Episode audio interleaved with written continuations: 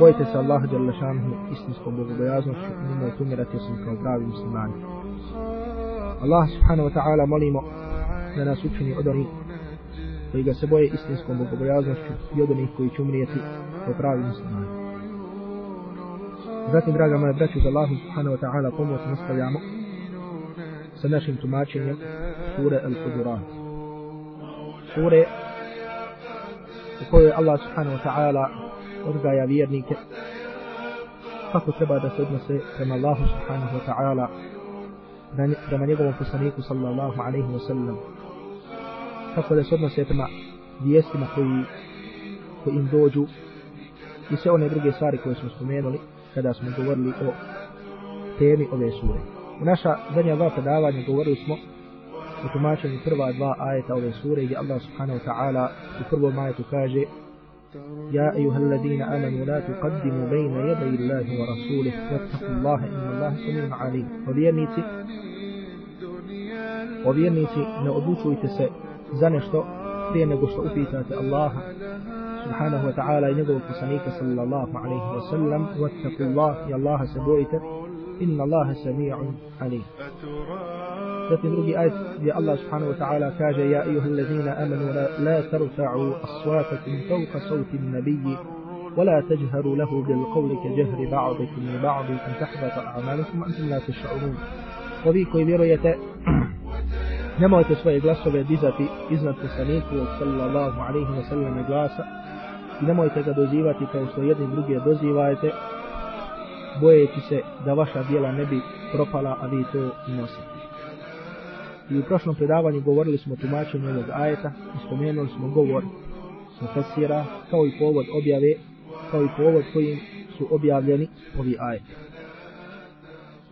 Rekli smo da se podsjetimo kada je ovaj drugi ajet u pitanju da Allah subhanahu wa ta'ala kao što kaže Qatada kaže kanu yarfa'una aswatahum wa yajharuna 'inda an-nabiy sallallahu alayhi wa sallam da su ashabi Allahovog poslanika sallallahu alayhi wa sallam bili dizali svoje glasove u blizini poslanika alayhi salatu wa salam i da su ga da su ovaj e, i da su ga dozivali pa kaže fabu'idu wa nuhu an zalika pa je Allah subhanahu wa ta'ala posavjetovo i zabranio im je da to čine. A kao poruku i poruku iz svega toga rekli smo kakav je onda tek propis za onoga ako se bojati da će propasti djela ili ako se bilo bojati da će propast djela ashaba koji su dizali svoj glas pored Allahovog poslanika alaihi salatu wasalam zato što je bilo bojazno se tako da ga uznemire kako je tek sa onima koji postupaju u svom životu u svom govoru, u svojim djelima suprotno uputi Allahovog poslanika sallallahu alaihi wasallam.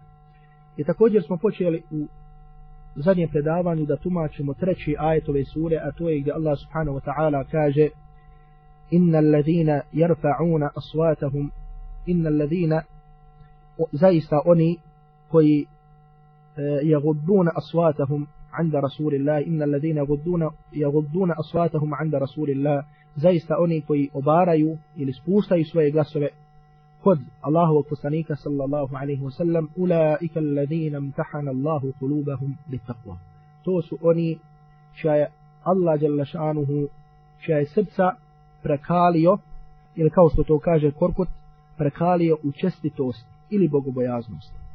Znači oni koji obaraju svoje glasove koji spuštaju svoje glasove kod poslanika sallallahu alaihi wa sallam Allah jalla šanuhu je njihova srca šta? pretopio ili da kažemo prekalio ili očistio tako da su to postala srca takvaluka, srca bogobojaznosti. Znači ovdje vidimo kako Allah subhanahu wa ta'ala spominje kakav je izhod, ishod ili kakav je rezultat oni koji su postupili onako kao što je Allah subhanahu wa ta'ala im u prethodnim ili da kažemo u prvim ajetima naredio. A to je da Allah jalla šanuhu zabranio šta?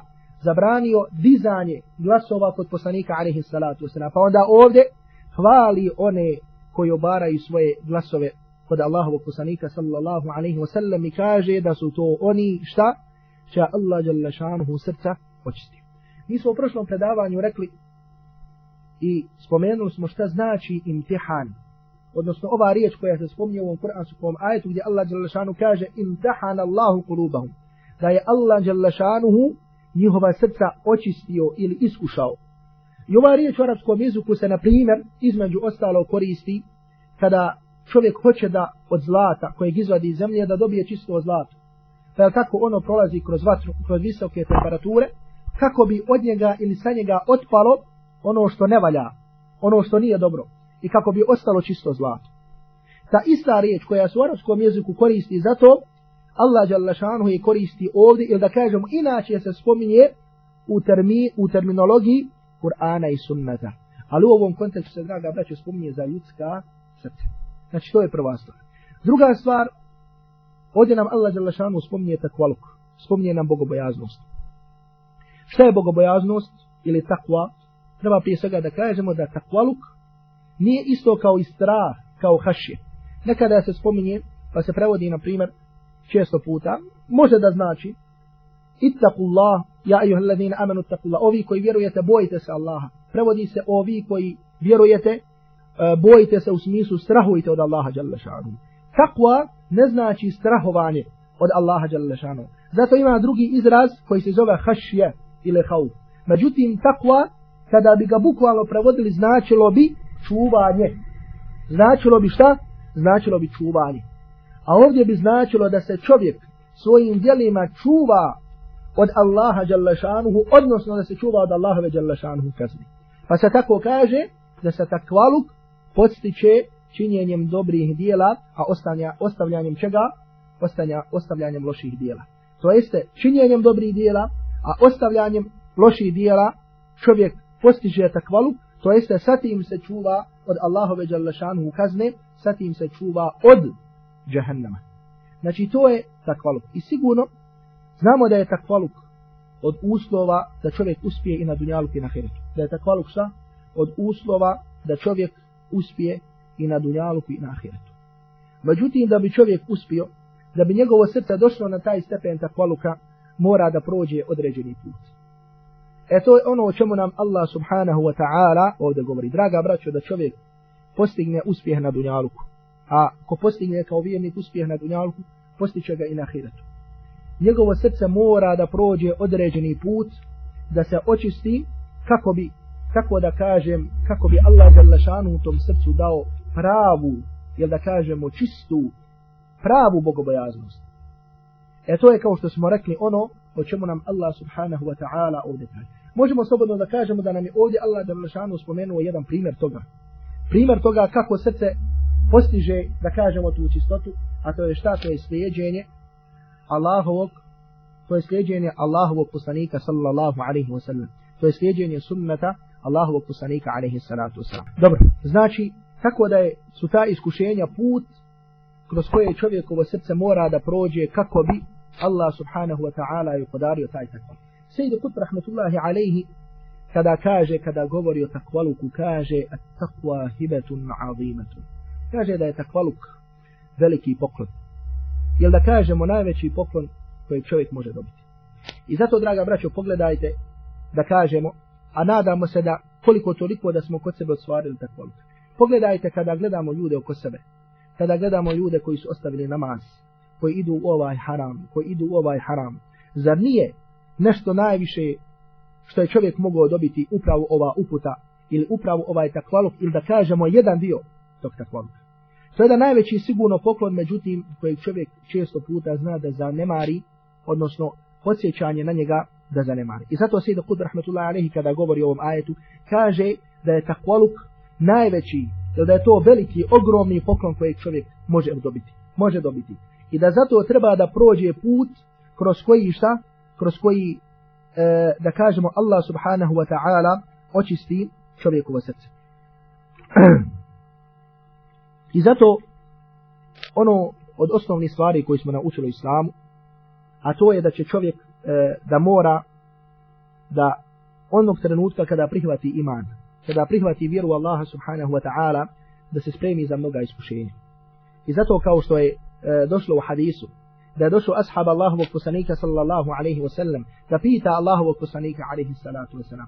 I kaže mu, ja Rasulallah, kulli, kulli fil islami qawlan la es'alu anhu ahadan gajrak. O Allahov poslaniče, reci mi o islamu nešto poslije čega neću imati potrebe da ikoga pitam mimo tebe.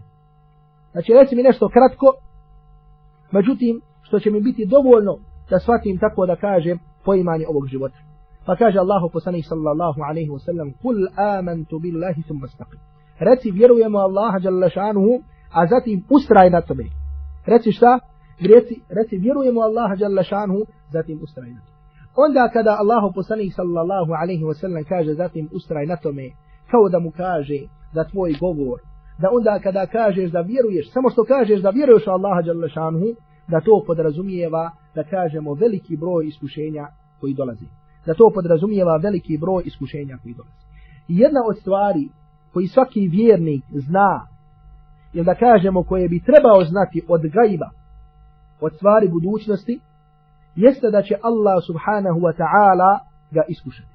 I zato pogledajte, koliko su ljudi, uopšte kada govorim o tom gajbu i stvarima koji će se desiti. Ljudi su uvijek u svakom vremenu, u svakom mjestu bili radoznali za stvari budućnosti. I htjeli su na ova ili na onaj način da saznaju šta će im se u budućnosti desiti. Pa su pokušavali to, jel tako, i dan danas to rade, ili putem sihira, ili putem horoskopa, ili putem gledanja u filđan, ili putem ovoga i tako dalje. Znači, ko čovjeka ima uvijek jedna radoznalost za onim stvarima koje će mu se desiti. Pa želi da zna šta će to biti što će mu se desiti. Allah subhanahu wa ta'ala u svojoj knjizi, njegov poslanik sallallahu alaihi wa sallam u svom sunnetu, draga braćo, jedan dio stvari gajba, o jednom dijelu su nas obavijestili, a o jednom dijelu su sačuvali, ili da kažemo Allah subhanahu wa ta'ala znanje te stvari sačuvao kod sebe. Pa na primjer, mnogo je stvari koje inače, tako da kažemo, ono što nazivamo gaib, čovjek nikada za njih ne može saznati. Šta će mu se desiti u smislu uh, ko će se roditi, ko će umrijeti, šta će se desiti, tako da. Međutim, dok s druge strane vidimo da nas je Allah subhanahu wa ta'ala o mnogim stvarima obavijestio. Na primjer, kada je u pitanju stvari ahirete. Znači, od onog trenutka kada čovjek umre, pa tako da kažemo šta će se desiti kroz koje stanice prolazi dok dođe u džennet ili dok dođe gdje u džahennem. Pa imamo spomenutu sunnetu Allahovog poslanika alaihi salatu wasalam način kako čovjekova duša napušta njegovo tijelo. Zatim spomenut zagrobni život, jel tako, život u kaboru, e, dolazak meleka, ispitivanje, stisak u kaboru, zatim radi čega čovjek u kaboru biva kažnjavan, radi mokraće, radi namimeta i tako dalje. Zatim Allah subhanahu wa ta'ala na E, nam govori o puhanju rog, u pr o prvom puhanju rog, u drugom put puhanju rog. Ili da kažemo i trećem puhanju rog, kao što je mišljenje jednog broja učenjaka, da će biti tri puhanja u rog, dok je mišljenje neki da će biti dva puhanja u rog i tako dalje. Znači vidimo kako nam Allah subhanahu wa ta'ala detaljno govori o stvarima kroz koje će čovjek proći nakon što umre. Sira čuprija, ulazak u džennet, ulazak u džehennem, opis stanovnika dženneta, opis stanovnika džehennema i tako dalje. Zatim kada je u pitanju dunjaluk, Allah subhanahu wa ta'ala nas također obavještava o čemu? Obavještava nas o preznacima sudnjeg dana. Koje će se stvari desiti prije nego što nastupi sudnji dan. Znači hoćemo da kažemo da imamo stvari gajba. Mislimo stvari koje dolaze u čovjekovoj budućnosti o kojima nas je obavijestio Allah subhanahu wa ta'ala u svojoj knjizi i njegov poslanik sallallahu alaihi wa sallam u svom sunnetu. Jedna od tih stvari o kojoj nas je obavijestio i koja čeka svakog čovjeka, čeka svakog vjernika, svakog mladića koji kaže da vjeruje Allaha subhanahu wa ta'ala, to je šta? To su iskušenja. Znači da kažemo kao što nas je Allah subhanahu wa ta'ala obavijestio, da čovjek nakon što umre, da njegova duša izlazi tako ili tako, da dolazi u kabur, da mu u, melek dola, e, u kaburu dolaze meleci, da biva tako puhanju rog, da je takav opis stanovnik, stanovnika dženneta, takav opis stanovnika džehennema, kao što smo o tome obaviješteni, draga braćo, isto tako smo obaviješteni. Ili da kažemo, isto tako moramo da vjerujemo u iskušenja koje će nas doći. I to je neminovnost, to je neminovnost za čovjeka koji povjeruje Allaha subhanahu wa ta'ala i njegovog poslanika sallallahu alaihi wa sallam. Međutim, ovo je da kažemo jedna posebna tema koja zahtjeva i prostor i vrijeme da se o njoj govori. Međutim, ja bih želio da, god, e, da spomenemo nešto o njoj u kontekstu ovog ajeta o kojim govorimo. A to je da Allah subhanahu wa ta'ala nakon što je zabranio ashabima Allahovog poslanika alaihi salatu wasalam da dižu svoje glasove kod poslanika alaihi salatu wasalam pohvalio je one koji ispuštaju. I rekao je da su to oni čija Allah djelašanu srca očistio. Ahlasaha Vastafaha očistio i odabrao, kao što kaže Ibn Jarir, a tabar u svom tefsiru. Znači koji imaju edab prema Allahu poslaniku alaihi salatu wasalam. I spomenuli smo u prošlom predavanju primjer Qais ibn Thabita, koji je pobjegao, koji se osamio, koji je plakao iz razloga zato što je mislio da je radi njega objavljen ajet zato što je on malo bio dizao svoj glas iznad Allahovog poslanika alaihi salatu wasalam. I rekli smo, e, kako u tome vidimo jedan primjer, kako čovjek da treba da ima odnos prema Allahu subhanahu wa ta'ala knjizi i kako da živi sa svakim ajetom iz Allahove djelašanu knjige. I zato, draga braćo, ova predavanja, mislim prije svega predavanje iz tefsira, neće od nje biti nikakve fajde, niti ikakve koristi. Ako kada dođemo kući i ne otvorimo tefsir ibn Kesira, ako ne otvorimo Kur'an da učimo ove ajete, pa makar gledajući, ne kaže na pamet, pa makar gledajući, i počnemo razmišljati o tim ajetima. Tek kada to budemo učinili, da kažemo, nakon što smo naučili njihov tefsir, nakon što smo učili njihovo značenje, možemo očekivati da će Allah Đalešanu dati da naša srca razumiju ove ajete. Da naša srca šta? Da naša srca razumiju ove ajete. Međutim, samo čitanje ili samo slušanje, bez tako da kažem te prakse, sa Allahom subhanahu wa ta'ala knjigom, Allah Đalešanu neće nam dati da se koristimo ovim ajetima. Allah subhanahu wa ta'ala nam neće dati da se koristimo ovim ajetima. I zato ako pogledamo stanje salafa sa Allahom Đalešanu knjigom, koliko su svaki dan na svog vremena odvaja. I to uvijek napominjemo jer to je stvar koju svakodnevno moramo da se na nju podsjećamo. Danas ja da kažem ulema, velika ulema, koja nema sekunde jednog slobodnog vremena u svom danu, odvajala je određeno vrijeme u svom danu za Allahu Đalešanu. Pa tako, na primjer, jedan od e, učenika šehe Huseymina kaže da je svaki dan šehe Huseymin, pored svojih obaveza, učio dva džuza Kur'ana. Svaki dan je učio dva džuza Kur'ana. A kaže za Ramazan bi dnevno učio deset džuzeva Kur'ana svaka tri dana bi za Ramazan završavao hod. Čovjek kojem je 60, 70 godina, čovjek koji je alim na svjetskom nivou, pored svega toga, pored svih svojih obaveza, nađe vrijeme za Allahu subhanahu wa ta'ala. Da kažemo, to je jedna od stvari, jedan od načina dok, e, kako da dođeš do razumijevanja Allahove Đalešanu knjige. Znači, učenje Allahove Đalešanu knjige sa učenjem tefsira. I zato kažemo, u ovom kontekstu ovdje spominjemo iskušenja. Jer vidimo da Allah Đalešanu kaže da je to put da se srce očisti. A rekli smo, počeli smo da govorimo u prošlom predavanju, odnosno završili smo tako u prošlom predavanju, da Allah subhanahu wa ta'ala nam kaže šta, odnosno Allahu poslanika alaihi salatu wasalam, da u čovjekovom tijelu ima jedan dio koji ako je dobar, sve drugo dobro. Ako je pokvaren, sve drugo pokvareno. Ala wahijel qalb, a to je srce kao što kaže Allahu poslanika alaihi salatu wasalam. I ako čovjek u svom srcu bude iskren, imao iskren odnos prema Allahu subhanahu wa ta'ala, bude muhlis, imao ihlas, u svom srcu, u njegovom srcu se nađe sidq, nađe se hašije, strah od Allaha subhanahu wa ta'ala, nađe se muraqaba, da uvijek vodi računa i da zna da Allah dželle da ga čuje, da vidi, sve će se to manifestovati u njegovim djelima. Sejdu Qud rahmetullahi alaihi također kada govori o iskušenju, kada tumači ajet iz sure Al-Ankebut, u kojem Allah subhanahu wa ta'ala kaže وَلَقَدْ فَتَنَّا الَّذِينَ مِنْ قَبْلِهِمْ أَمَّا حَسِبَ النَّاسُ أَنْ يُتْرَكُوا أَنْ يَقُولُوا آمَنَّا وَهُمْ لَا يُفْتَنُونَ Allah جل šanu kaže zar ljudi misle da će biti ostavljeni a da neće biti iskušani. To jeste zar ljudi misle da ako kažu amanna da će biti yutraku wa hum la yuftanun da će biti ostavljeni a da neće biti iskušani. Subhanahu wa ta'ala kaže وَلَقَدْ فَتَنَّا الَّذِينَ مِنْ قَبْلِهِمْ فَلَا يَعْلَمَنَّ اللَّهُ الَّذِينَ صَدَقُوا وَلَا يَعْلَمَنَّ الْكَاذِبِينَ I kaže mi smo iskušavali one kako bi Allah dželle šanu znao koji su iskreni a kako bi Allah dželle šanu znao oni koji su lažljivci to jeste koji iskreno kažu mi vjerujemo a oni ili koji lažljivo samo kažu svojim jezikom a to se ne nalazi u njihovom srcu zatim Sejid Kud rahmetullahi alejhi kaže da uh, iman pojašnjava iman nisu riječi nego kada čovjek kaže da vjeruje, to podrazumijeva za sobom velike stvari. Kaže da je to težak emanet na čovjekovim plećima. Da je to stvar koja ima tekalif, e, koja ima obaveze i tako dalje.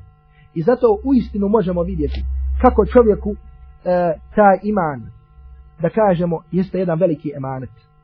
I kako iskušenja koja dolaze na tog im, e, imana manifestuju se kroz razne stvari o kojima, tako da kažem, onaj nema sada potrebe da spominjemo, da govorimo i tako dalje. Zatim, u sljedećem ajetu ove sure, Allah subhanahu wa ta'ala kaže إن الذين ينادونك من وراء الحجرات أكثرهم لا يعقلون الله سبحانه وتعالى nam sada spominje jedan, da kažemo, loš odnos prema Allahovom poslaniku, alaihi salatu wasalam, odnosno spominje primjer jednih ljudi koji su imali veoma loš odnos prema Allahovom poslaniku, alaihi salatu wasalam. A to je kao što su zabilježili e, koji su pisali o Siri i oni koji su sakupljali hadisa Allahovog poslanika, alaihi salatu wasalam, da je grupa ljudi iz plemena Benu Temim došla, da su došli zaslanici iz plemena Benu Temim i da su došli da traže Allahovog poslanika alaihi salatu wasalam i da su ga zvali min wara il hujurat da su stali kod soba žena Allahovog poslanika alaihi salatu wasalam i da su ga nagla zvali ja Muhammed ukruđi ilajna o Muhammede izađi nam i tako dalje oni su došli htjeli su možda da nauče nešto da, o islamu i tako dalje međutim nisu imali adab prema Allahovom poslaniku alaihi salatu wasalam kao što to treba da bude Pa kaže Allah subhanahu wa ta'ala inna allazina yunadunaka min wara'il hujurati aktharuhum la ya'qilun. Oni kaže koji te zovu, oni koji te dozivaju iza soba aktharuhum la ya'qilun. Većina njih nema pameti. Jel da kažemo većina njih nema pameti, većina njih ne razmišlja i tako dalje. Aktharuhum la ya'qilun. ولو أنهم صبروا حتى تخرج إليهم لكان خيرا لهم كاجة da su se oni strpili dok si im ti izašao lakana khayran lahum bilo bi im bolje wallahu ghafurur rahim Allah je taj koji prašta pogledajte kako ovdje Allah subhanahu wa ta'ala opisiva one koji su imali loš adab prema Allahom poslaniku alaihi salatu wasalam da pameti nemaju da razuma nemaju. Zbog čega Allah jalla šanuhu ovdje spominje pamet spominje razum? Pa, pa kaže la ja'qilun nemaju pameti a ne kaže la ja'lemun, da ne znaju. Zato, draga braćo, što akl, zato što sami razum od čovjeka zahtjeva da ima edab prema ljudima kao što su Allahu poslanika alejhi salatu vesselam. Razum ili pamet svakog čovjeka traži od njega i zahtjeva da ima poštovanje prema nekom velikanu, prema nekome koje je neko i nešto u nekom društvu. Ako e, tako na primjer zahtjeva od tebe da imaš prema onome koje je direktor, koje je predsjednik i tako dalje, zar od tebe ne zahtjeva da imaš prema Allahovom poslaniku alaihi salatu wasalam. I zato u dosta stvari možemo reći da akl, da razum mnogim stvarima uči čovjeka kako ima edab prema Allahovom poslaniku alejhi salatu vesselam. Kada sluša Allahov govor, kada sluša hadisa Allahovog poslanika sallallahu alejhi ve sellem i tako dalje. Zatim Allah dželle šanuhu spominje te ljude i kori ih zato što nisu imali sabura, zato što nisu imali strpljenja. Pa kaže, وَلَوْ أَنَّهُمْ صَبَرُوا حَتَّى تَخْرُجَ إِلَيْهِمْ لَكَانَ خَيْرًا لَهُمْ Da su oni imali strpljenja, dok im ti ne izađeš, bilo bi bolje. Wallahu gafuru rahim. A Allah je taj koji prašta i koji je samostan. I pored svega toga, Allah subhanahu wa ta'ala ove ljude poziva na taubu, odnosno da kažemo one koji nisu imali edaba prema Allahovom poslaniku sallallahu alaihi wa sallam, Allah jalla šanuhu i poziva da se pokaju Allahu dželle šanuhu, da se vrate Allahu dželle šanuhu radi svog lošeg odnosa prema Allahu poslaniku alaihi salatu vesselam, prema sunnetu njegovom i tako dalje. Zatim u novoj cijelini ovdje E, sljedeći ajeti koji dolaze Allah subhanahu wa ta'ala nam govori o čemu? Je li ko čito prevod ove sure? Allah subhanahu wa ta'ala govori o odnosu e, da kažemo prema haberu kada dođe haber od nekoga ja ehu ladina amanu in ja'akum fasikun bin nab'in fatabayyanu o vjernici ako vam neki griješnik donese neku vijest fatabayyanu فتبينوا. استزناشي فتبينوا؟ فروري تتوبية إلو دوغم كرات فاد الله سبحانه وتعالى فتثبتوا كرات حمزة حمزة أوتي فتثبوا مجدوكي فياسي ما قبو دا مستدعي مخلاوان مستسيرا غيزان ونساري كويسليزان إذا كرات استزناشي فتبينوا استزناشي فتثبتوا بوكشك أدولا زيدو رجلا جينيا kada se spomene, kada kažemo, kada počitamo u jednom kraju se uči ovako, u jednom kraju se uči ovako i tako dalje uglavnom najvažnija stvar da nema kontradiktornosti između tih kraja. Aqulu qawli hada wa astaghfirullaha li.